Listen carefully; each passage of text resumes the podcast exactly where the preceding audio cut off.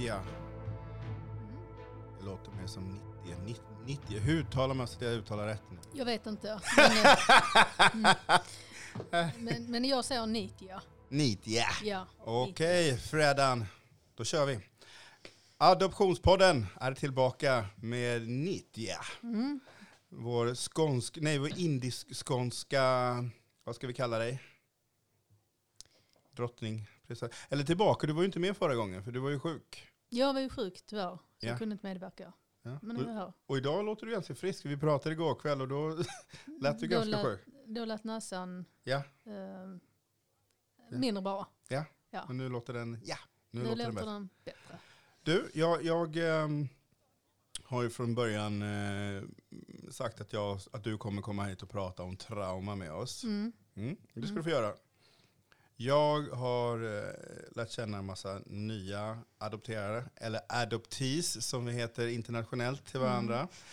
Eh, Ja men det är så. Eh, och man upp, upptäcker ju att vår community är enormt stor. Mm. Den är väldigt diverse, det är stor mångfald. Och en av dem jag har lärt känna, eh, eller två, är med i en organisation och en hemsida, bla bla bla. bla. Jag var inne på hemsidan och så visade det sig att på hemsidan så har de en memorial-del. Mm. Då klickar man på den och då är det så här, ja, hej, eller här är en länk till vår Facebook-sida där vi har memorials över, memorials över alla adopterade som har blivit mördare eller begått självmord. Mm. Och det var innan vi pratade igår, jag vet inte varför jag inte tog upp det här igår när vi pratade. Jag gick in och klickade på den länken, alltså jag höll på att kräkas. Ja, nej, det är, Så många som har ja. blivit mördade eller begått självmord.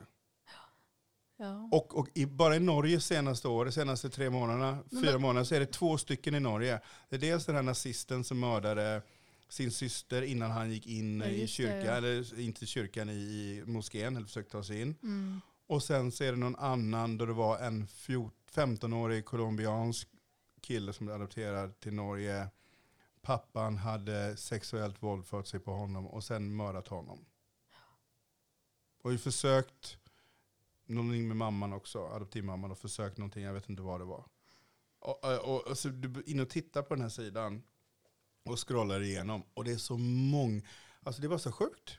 Mm. Det är så sjukt när du läser och ser detta. Ja, alltså det, jag har ju känt till eh, alltså via Socialstyrelsen att eh, ja, sen har jag jobbat inom psykiatrin också så att eh, vi är ju överrepresenterade inom psykiatrin. Och självmordsfrekvensen är väl något högre också s- som grupp. Varför är det så? Vad är det som gör att, att vi vill ta livet av oss?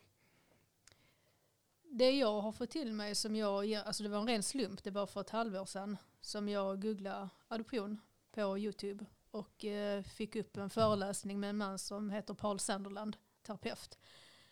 Och där han pratar om oss som grupp.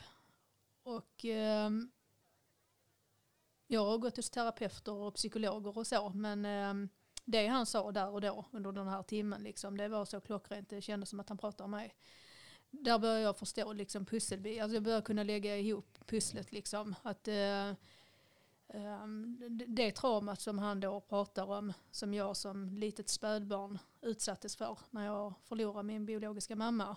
Typ det starkaste bandet eh, som finns antar jag mellan en mamma och ett, eh, ett barn. Liksom. Annars hade ju inte barnet överlevt. Och så är det ju även i djurvärlden tänker jag. Men, men jag måste bara sticka in, vilket jag kommer göra hela tiden. Det vet du, du vet hur jag är. Eh, om du nu? Ja, det, och, och du, du kommer ihåg, du kommer ihåg Kal, Kalmar, du säger Kalmar, och det va? Och det då va? Nej men, eh, om det nu verkligen är det starkaste bandet mellan mamma och barn, som du säger, Mm. varför är det då så svårt för vår omgivning att förstå att vi bär med oss någonting som är så pass jobbigt, traumatiserande, som gör att vi kanske ibland beter oss som idioter mot vår omgivning. Varför är det så svårt? Om det nu, alltså jag, jag ifrågasätter ju inte dig, det vill säga jag ifrågasätter varför folk inte förstår. Därför att, Att det är eh, ett sånt starkt som band. adoptivförälder så, jag tror det är lite annorlunda i Holland som också är ett land som har många adopterade liksom, sett i folkmängd. Men man har inte de kunskaperna helt enkelt. Det är ingenting man har diskuterat eller pratat om.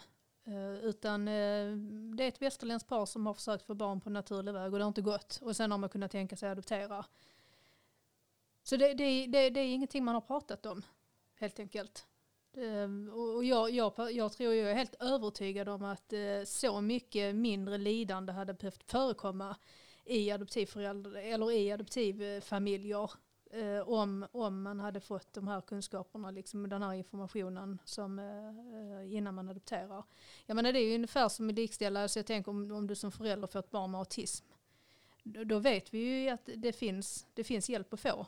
Det finns redskap liksom som man kan få och, mm. och få hjälp och stöd. Men, eh, men när det gäller oss så eh, tror man kanske lite på, ja men det här, både du och jag kom ju 80, slutet på, alltså under 70-80-talet, att mm. eh, solidarisk handling och man vill ha den här regnbågsfamiljen liksom. Men eh, ja, kärlek absolut, men, men att man ska vara medveten om att vi har, har liksom ett trauma med oss när vi ja. kommer hit. Så det, det är ju inte samma sak att, att skaffa ett biologiskt barn som att skaffa ett adoptivbarn. Eh, men så har man nog, så har man nog inte sett det. Utan uh, man har tänkt att det lilla barnet... Uh, Precis, och jag skulle ju egentligen ha skickat dig länken till den här eh, krönikan som Patrik Lundberg, vet du vem Patrik Lundberg är? Han är Korea-adopterad tror jag. Och mm, mm. skrev förut i Aftonbladet, nu skriver ja, han Expressen. Ja. Han skrev 29 oktober så la han ut en krönika om som handlar om 60-talet när Sverige skulle lösa rasproblemen. Och det var bland annat genom att adoptera mm. och hur bra det skulle bli. Och då eh, Ingo, eh, han boxaren, jag kommer inte ihåg vad han heter, Ingo, Ingemar Johansson hette han, tror jag. Han eh, hade fått frågan om vad han tyckte om detta och då sa han nej, för fan jag vill inte ha rasproblemen in på knutarna, sa han. Mm. Och då var det han fick väl lite motstånd där i att, oj hur kan du säga så? Men det är helt korrekt. För att du får ju problem med ras när du har bland, eller ras finns ju egentligen inte så vi pratar, pratar utifrån ett koncept om någonting som inte finns men som finns.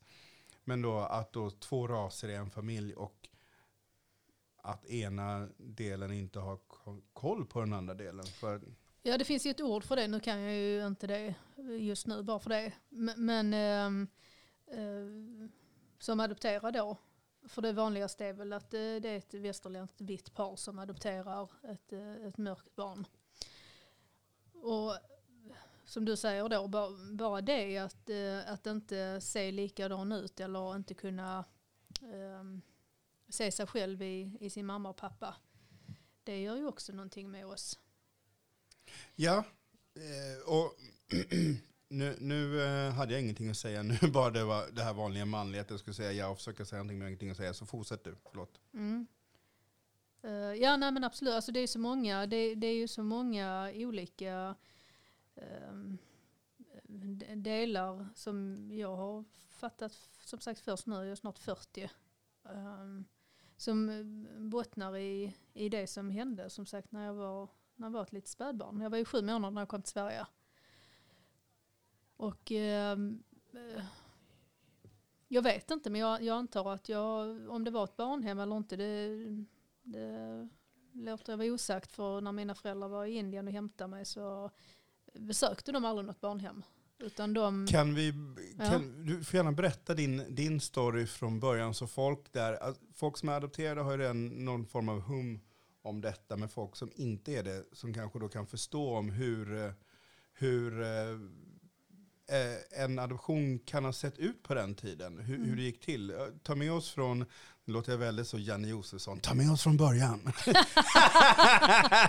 men ta med oss från början.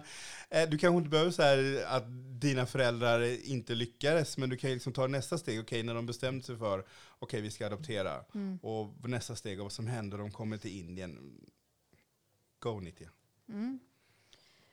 Ja, de ansökte ju om, om att eh, få adoptera eh, kanske 76, 77. Ja. Och sen föddes jag 80. Och då fick de en, eh, en, en eh, de hade ju bestämt sig för Indien då. Och, eh, Varför det, hade de sig för Indien? Ja, det, det, det, vet jag faktiskt inte. Alltså, jag, det, det var väl många adoptioner som, alltså vi var många adopterade som kom i slutet på 70, början på 80-talet från Indien, Sri Lanka, ja, med, med flera länder. Så det var nog av den anledningen. Ja. Och eh, ja, i alla fall, då eh, fick de ett samtal sent på kvällen och att eh, flickan var född då. Och, och eh, sen skickades även en bild då. Och, och de var välkomna att komma och hämta mig sju månader senare. Och detta var privat. Det var en kvinna, en läkare, som eh, drev det här. Om det nu var ett barnhem eh, vet vi inte. För, för när mina föräldrar kom till Indien då eh, och tog in på hotell och, och så här så blev jag visad. Jag, de körde dit mig till platsen, den här läkaren och hennes man. Och så fick de sitta och titta på mig en stund. Och sen eh, när alla förhandlingar och så var domslut och så var liksom Ja, när det var färdigställt så, så eh, fick de mig igen då för att åka hem till Sverige. Och nu först, så liksom efter att jag har hört eh, andra människors eh, historier så, så fanns det kanske ganska många röda flaggor. Eh, men då, detta var 1980 och jag tror att mina föräldrar, alltså det, man trodde att det var så det gick till. Och likaså att de, de har ju berättat att, de, att den här kvinnan då ville att de skulle skicka, innan de kom till Sverige, eller innan de hämtade mig, skicka eh, grejer, vad det nu var för olika grejer och, och pengar. Så. Och jag tänker som, som adoptivförälder då, man vill, man vill detta jättegärna, att man kanske blundar för um, Eh, ja, blundar för de här som sagt röda flaggorna som, som eh, verkar lite suspekta. Eh, och att man då håller käften för att man så gärna vill ha det här barnet. Liksom. Ja, och det har ju vi diskuterat eh, många gånger. Det här med att, att eh, i och med att jag kommer ju med, med utgångs... Eller jag tycker ju att all adoption är människohandel. Och då till exempel att dina föräldrar, och mina föräldrar, mina adoptivföräldrar, nu lever inte någon av dem, men, men att de var del i människohandel. Mm. Och det kan ju, detta kan ju och kommer ju trigga vissa människor. Det hoppas det jag vill också, för att jag vill att folk ska förstå att det här är inte, så här gör man inte, det här är inte okej att hålla på så här som man har gjort. Men samtidigt, att inte lägga för mycket på våra adoptivföräldrar, för samtidigt så hade ju de en önskan om barn, de hade en viss ekonomi som gjorde att de kunde göra så här. Och därför så gjorde de det. Mm. Likväl som vi väljer att göra saker idag på grund av att vi har möjlighet för att vi har pengar. Sen så kanske det inte alltid är moraliskt eller etiskt korrekt att göra så. Absolut. Så att, att och idag, så det är ju väldigt, eller skulle- det är ju inte väldigt få, det är ju väldigt, fortfarande väldigt många, för man får, får ju fortfarande höra att ja, när jag och Markus, när jag och Lina, när vi, är- våra barn är vuxna eller så, så ja, då kanske vi ska adoptera för att hjälpa till, för att rädda något litet barn. Och man bara, och förut har man ju så här bara, ja, vilka underbara vänner jag har. Underbart.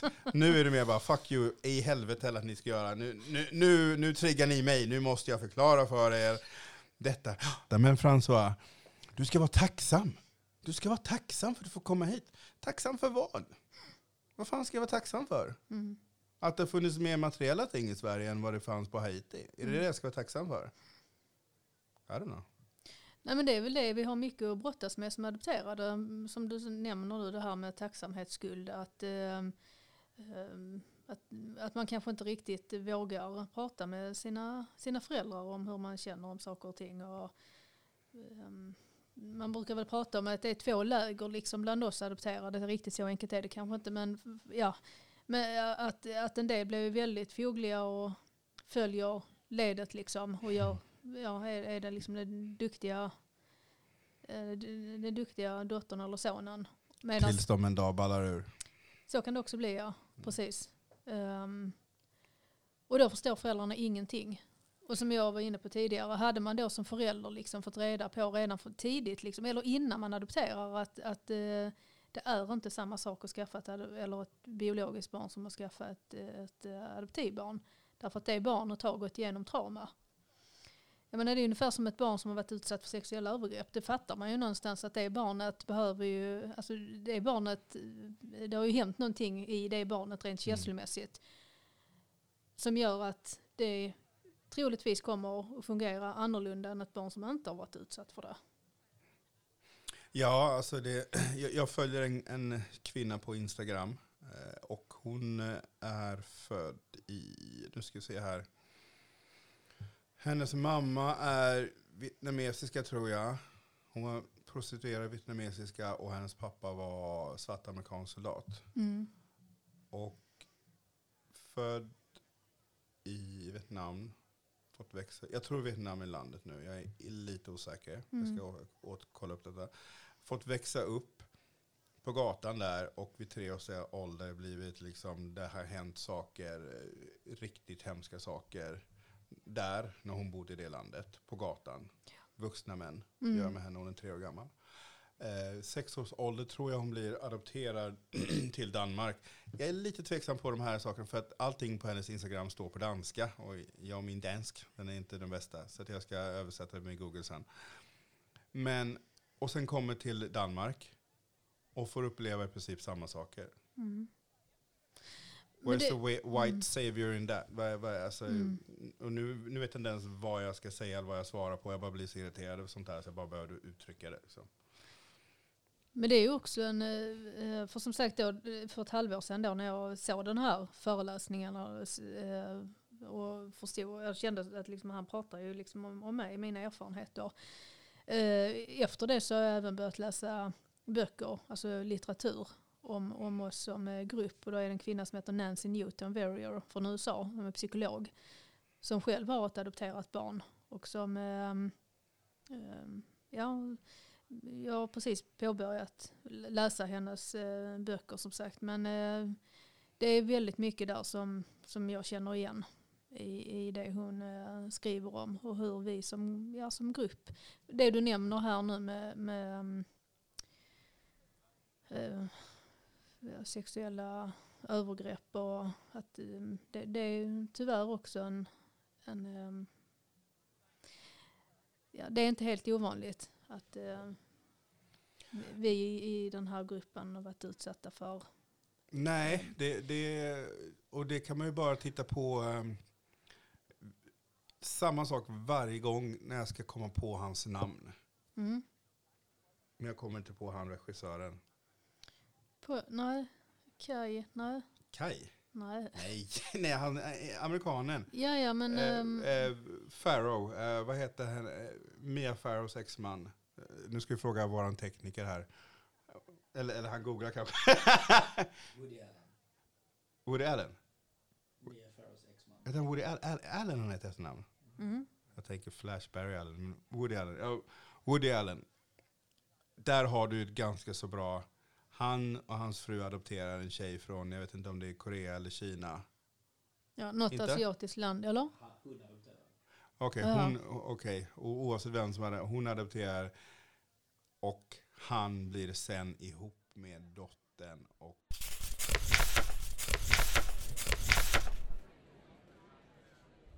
På tal då om, vi är lite inne på psykisk ohälsa.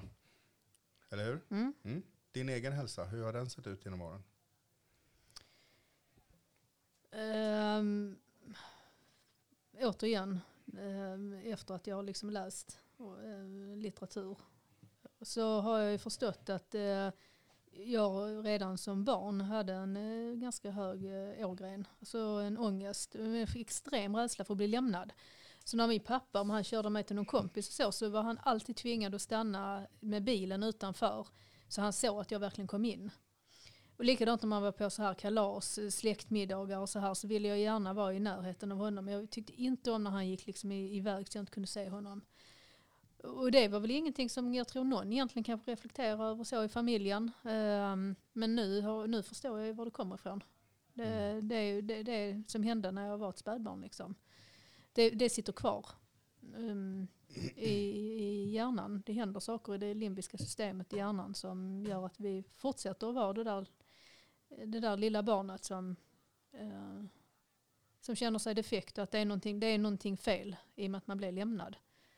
Um, Men hur har det gett, gett sig uttryck eh, i, i relationer liksom i ditt vuxna liv? Vad, hur, hur har det påverkat dig som mest? Vad, vad liksom, eh, ja, hur, hur har detta trauma påverkat dig relationsmässigt i vuxen ålder nu? Eh, Det har på, alltså jag har... eh, Är du gift? Har du barn? Är du singel? Vad, vad, Nej, jag, vad har ja. det lett dig in på för väg? ja. Eh, jag eh, har eh, extremt svårt att lita på människor. Min, eh, jag har inte någon direkt tillit till andra och därför avstått liksom, haft svårt för eh, nära relationer. Hur har du haft med separationer? Eller har du alltid, om du har varit i en relation, är du den som går eller har du blivit lämnad i separation, relationer? Ja, Jag är nog den som har gått i så fall. För att, För att slippa. Precis. Har du någonsin blivit jag lämnad har i en alltid- relation? Eh, nej. Aldrig? Ehm, och, och det är väl någon slags, ehm, ja, um, under, alltså omedvetet liksom försvar.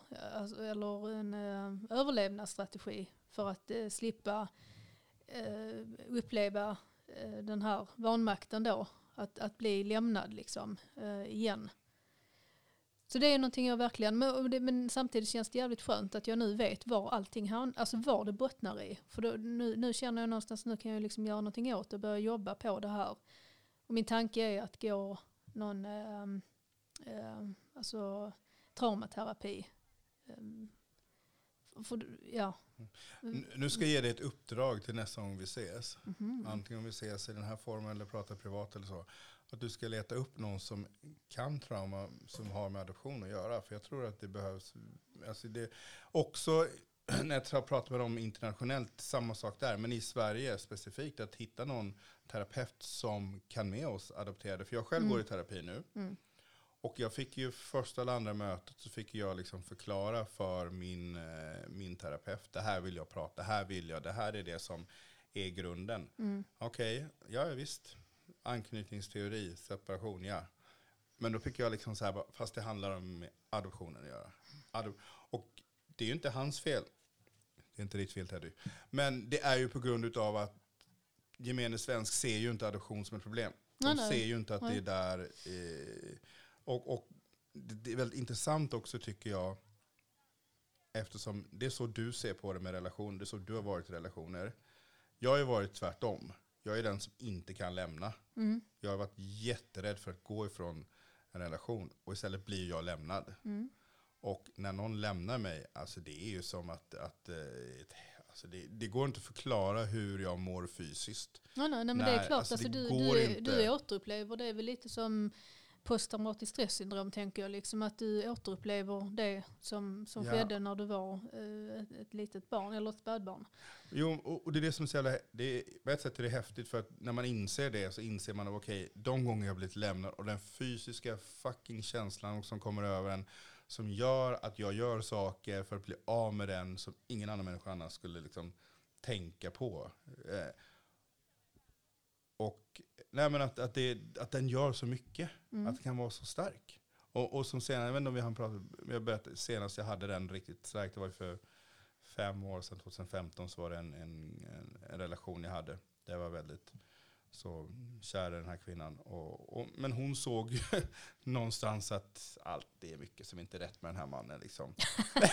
nej, men, nej men hon, men alltså hon, hon, alltså jag kan ju se själv att jag då så bara... men det är konstiga, så är det Jo bara. men det är vi ju. Ja. Men att jag kunde se då liksom att, Mm. jaha men vad, vad, vadå, det är väl så här det är, eller det får hon ta eller det ena med det andra. Men med tiden har man insett bara, åh herregud. Och, och hon gjorde helt rätt i som gick. Men problemet där var ju att jag hade ju försökt sa- safea genom att säga att ja, men, eh, du kan inte bara lämna mig eller lämna mig, måste säga till innan. Men samtidigt kan man inte bara göra det heller. Så hon, hon gjorde helt rätt i, om den personen hör det här, gjorde helt rätt i att bara gå och bara klippa. För det funkar inte i en sån situation att liksom klappa med då så nu ska jag liksom lämna dig. Pff, nej, det är helt rätt i att bara lämna. Men då, det skickade mig ner i ett sånt übermörkt hål. Mm. Alltså så mörkt det hålet var. Men det var ju inte hennes fel, utan det var ju men de känslorna, fysiska känslorna. Och sen när jag kunnat knyta det ihop med att det är någonting som har hänt där bak. Vad är det Mm. som har hänt? Jag vet ju inte, men det är någonting som gör att jag liksom... Men det lilla barnet återigen, det finns ju kvar i oss. Ah, det är ju så det. jävla sjuk Det finns kvar i hjärnan. känsla. Ja, precis. Samtidigt så, som sagt, som jag sa tidigare, så känns det jätteskönt att veta var roten är, är någonstans. Alltså vad är det som vad är det som gör att jag har haft svårt för eh, nära relationer? Varför jag har, ehm, eh, flackat lite från, alltså så här inte haft någon, eh, haft svårt för eller jag har inte velat eh, stanna på ett och samma jobb liksom under en eh, jättelång tid. Ehm, eh, påbörjar gärna saker, avslutar dem inte alltid. Um, um, ja, brist på självkänsla, um, men hur, är- Ja. hur är ditt självförtroende? mitt självförtroende. Alltså jag skulle nog vilja säga att både mitt själv, alltså mitt självförtroende är väl inte det bästa.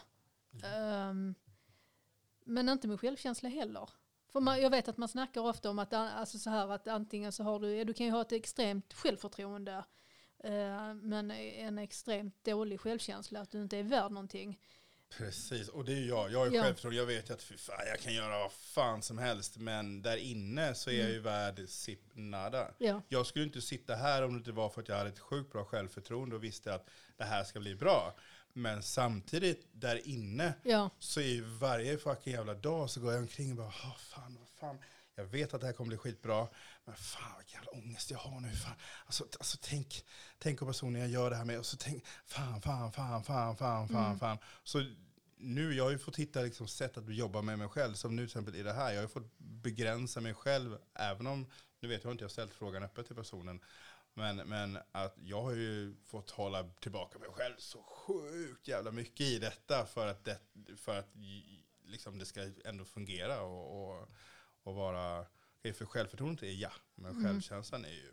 Oh, ja. i, eh, mm. Men det är så häftigt att du, du, tyck, du känner så här, alla jag pratar med känner så här, och ändå så får, har vi fått höra var tacksam. Var, var kom, var, och som sagt, mitt projekt 2020, fuck tacksamhet 2020, fuck gratitude Men 2020. jag tror någonstans Vad att är det med den här fucking Men om, jävla... om man inte, alltså om vi tar så här, barn då som kanske har, eh, låt säga, varit eh, utsatt, alltså va- varit misshandlade eller liksom levt i, i misär och med, med missbrukande föräldrar och så här. Och så kommer då räddningen, eh, eh, nyktra föräldrar. Och, och så, låt säga då att man inte har rent mm, psyk, psykologiskt liksom kunskaper om vad som händer ett barn som växer upp i en sån miljö. Då, det är klart att då kan man ju tycka liksom att vad fan, alltså, du hade ju piss innan. Borde inte du vara tacksam över det du har fått nu? Och, och, och, det, och det är väl det som är grejen med oss som grupp, att man, för man har inte de kunskaperna om oss. Man har inte de kunskaperna så därför tycker man det är konstigt att, att liksom, vad fan var problemet? Du fick häst, du fick allt liksom. Ändå spårar du ut. Ehm, därför att man inte har de kunskaperna helt enkelt. Alltså men om du har problem med dina ögon så visst du kan gå in på ortopeden och där, de är läkare så de kan säkert något litet om ögon men bäst hjälp får du ju om du går till en ögonläkare liksom. Mm. Ja. Ehm, och, och den hjälpen, eller, och det, det finns ju inte än. Och det, man kan ju hoppas att, eh, att vi med det här kan sk- skapa en plattform för, eh, för, för en Och hur- kunskapsbank. Liksom. Ja. Och vad, och vad ska det vara för typ av plattform? Hur ska den plattform, innan vi avslutar, hur, hur, du får avsluta med att förklara, hur, hur, hur skulle du vilja att den här plattformen kommer se ut? Hur kommer, hur kommer den vara? Alltså, Det, det, det, det ultimata målet med Ja. detta. Nej, men alltså, jag tänker att den, den största adoptionsorganisationen, att eh, komma in där och föreläsa, prata med de som kommer att bli blivande föräldrar. Okej, Eh, du menar för föräldrarna, inte Ja, ja. för de som driver? Nej, nej, men alltså för föräldrarna framför allt. Alltså. Ja. Ehm, för, för jag är helt övertygad om att man hade kunnat liksom, förhindra så mycket lidande. Verkligen.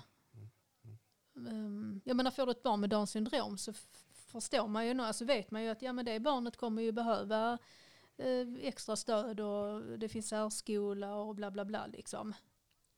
Ja, det har du rätt. Och- men- Ja. Och, och vi är ju en grupp, det är ju bara att gå in på Socialstyrelsen och läsa, så vi är ju överrepresenterade inom psykiatrin. Vi, vi, vi, Men problemet, är, eller problemet är, en del av problemet är ju att folk har ju velat att vi ska bli som, som liksom deras biologiska barn. Fast vi är ju inte biologiska någonstans. Vi hittar på där någon har tagit, någon har satt här och bara.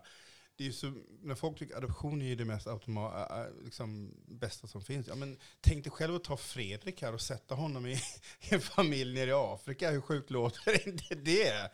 Va? Ja, men, nej, nej, men alltså, det är ingen av oss som hade bara så här, yay, nu tar vi, eller, eller dina, din, Fredrik, Fredrik är vår, vår tekniker här, eller tar något av hans syskonbarn om han har, eller någon väns barn och bara, nej men okej, den här ungen är ett år, upp, då tar vi den och så skickar vi ner den till Afrika. Det är ingen som hade liksom bara, folk hade bara, nej så kan du inte göra. Jo men de kommer ha det mycket bättre där. Mycket bättre där. Sen samtidigt så tänker jag så här att, det vet jag ju inte för mm, som sagt min story är ju suspekt. Eh, Som, som många andras. Och det har ju uppdagats nu tack vare Chiles regering som eh, drog igång det här med att liksom kolla att...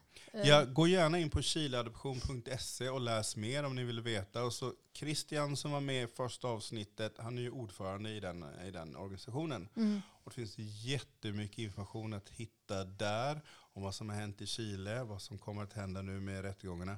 Och man kan även se vad som har hänt i Chile har hänt i, an, i de flesta andra länder som, har, som det har adopterats ifrån. mm, Och det kommer visa sig de närmaste troligtvis 10-15 åren här vad som har skett i andra länder också. Jag själv är adopterad från Haiti och det börjar bubbla upp. Jag själv har kontakt med folk i Nederländerna som du också pratade om Mm. nyss.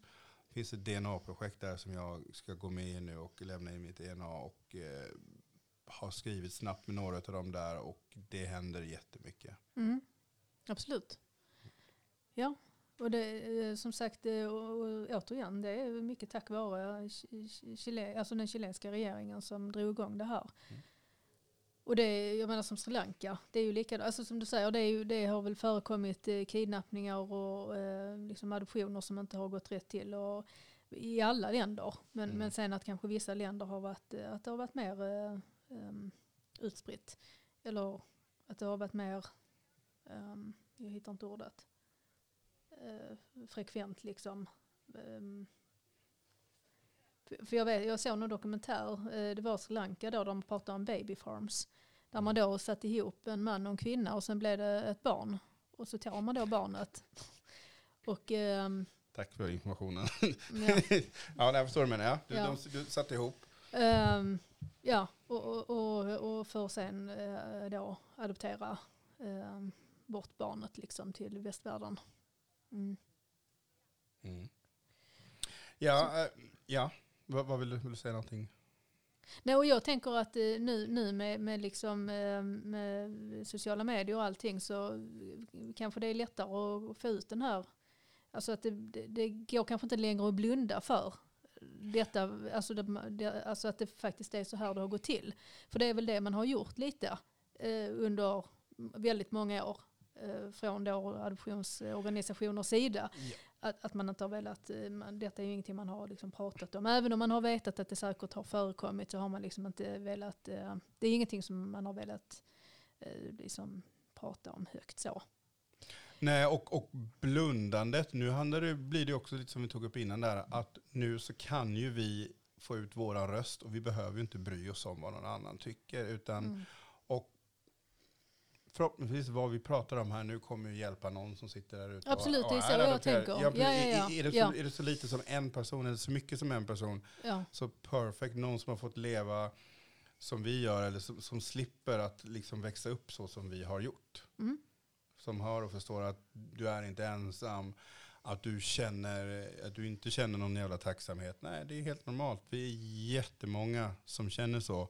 Och när vi växte upp, då var det att du ska känna tacksamhet. Känn tacksamhet, känn tacksamhet, för annars kommer du ligga i en rensren, annars kommer du skjuta heroin. Det var det vi... nej, men det var, nej men det var, alltså, det, Mm. kanske inte exakt de orden, men det är den betydelsen som jag har fått uttryckt hela mitt liv. Var Mm. tacksam, var tacksam. Men varför är du, du ska ju vara tacksam för att vi komma hit. Och man är bara, jaha okej, då är jag tacksam då till slut. Man, ja, för man, vet, man, man förstår ju inte. Nej, men nu idag så, och sen när man då pratar, alltså vi då som har känt varandra i en månad nu, lite mer än en månad, vi har inte känt varandra mer, men det känns som att vi har känt varandra längre för att vi har så mycket gemensamt när det gäller den biten. Sen Mm. har vi annat som inte är gemensamt, men den biten gör ju att vi, det känns som att jag har känt dig jättelänge för att jag kan se din resa, för den är lite liknande min. Och så när man pratar med andra runt om i världen, samma sak. Det är, så, ja. Det är häftigt men det är tragiskt. Och Ja. nu när jag pratar med folk i Australien, UK, Holland, USA och alla känner exakt likadant. Mm. Och det för mig är ett starkt bevis på att adoption är skit, adoption är människohandel, ingenting man ska göra. Och Ulf Kristersson borde ta sitt ansvar Mm. och eh, gå igenom vad som hände under hans tid som ordförande för Adoptionscentrum. Tycker jag. Och Ja. Lena Hallengren Mm. som idag har han som är ansvarig för adoptionen som Mm. är vår minister Mm. borde sluta skylla på, eh, på att hon ska invänta Chiles regering eller Chiles eh, eh, så Lena Hallengren, och det är då varför du är från Kalmar, jag vet det. Så du Lena, kom igen Lena, lös det här nu. Men i alla fall, det var allt från oss. Jag vet, inte, har du någonting du vill tillägga, Nitya? Innan vi avslutar. Vi kommer, du kommer bli en, eh, en fast gäst här, eller en fast del av Adoptionspodden. Mm. Mm? Trevligt. Ja. Ja, du vill inte ha med mig? Ja, ja. Ja, ja. ja, men vad underbart. Jag hoppas att ni, ni har gillat vad vi har fått fram idag, jag och Nitya. Mer kommer. Det kommer även komma en, eh, det beror lite på henne om hon vill vara med och spela in på engelska, men annars kommer det komma en English version av saker och ting för alla våra globala vänner också.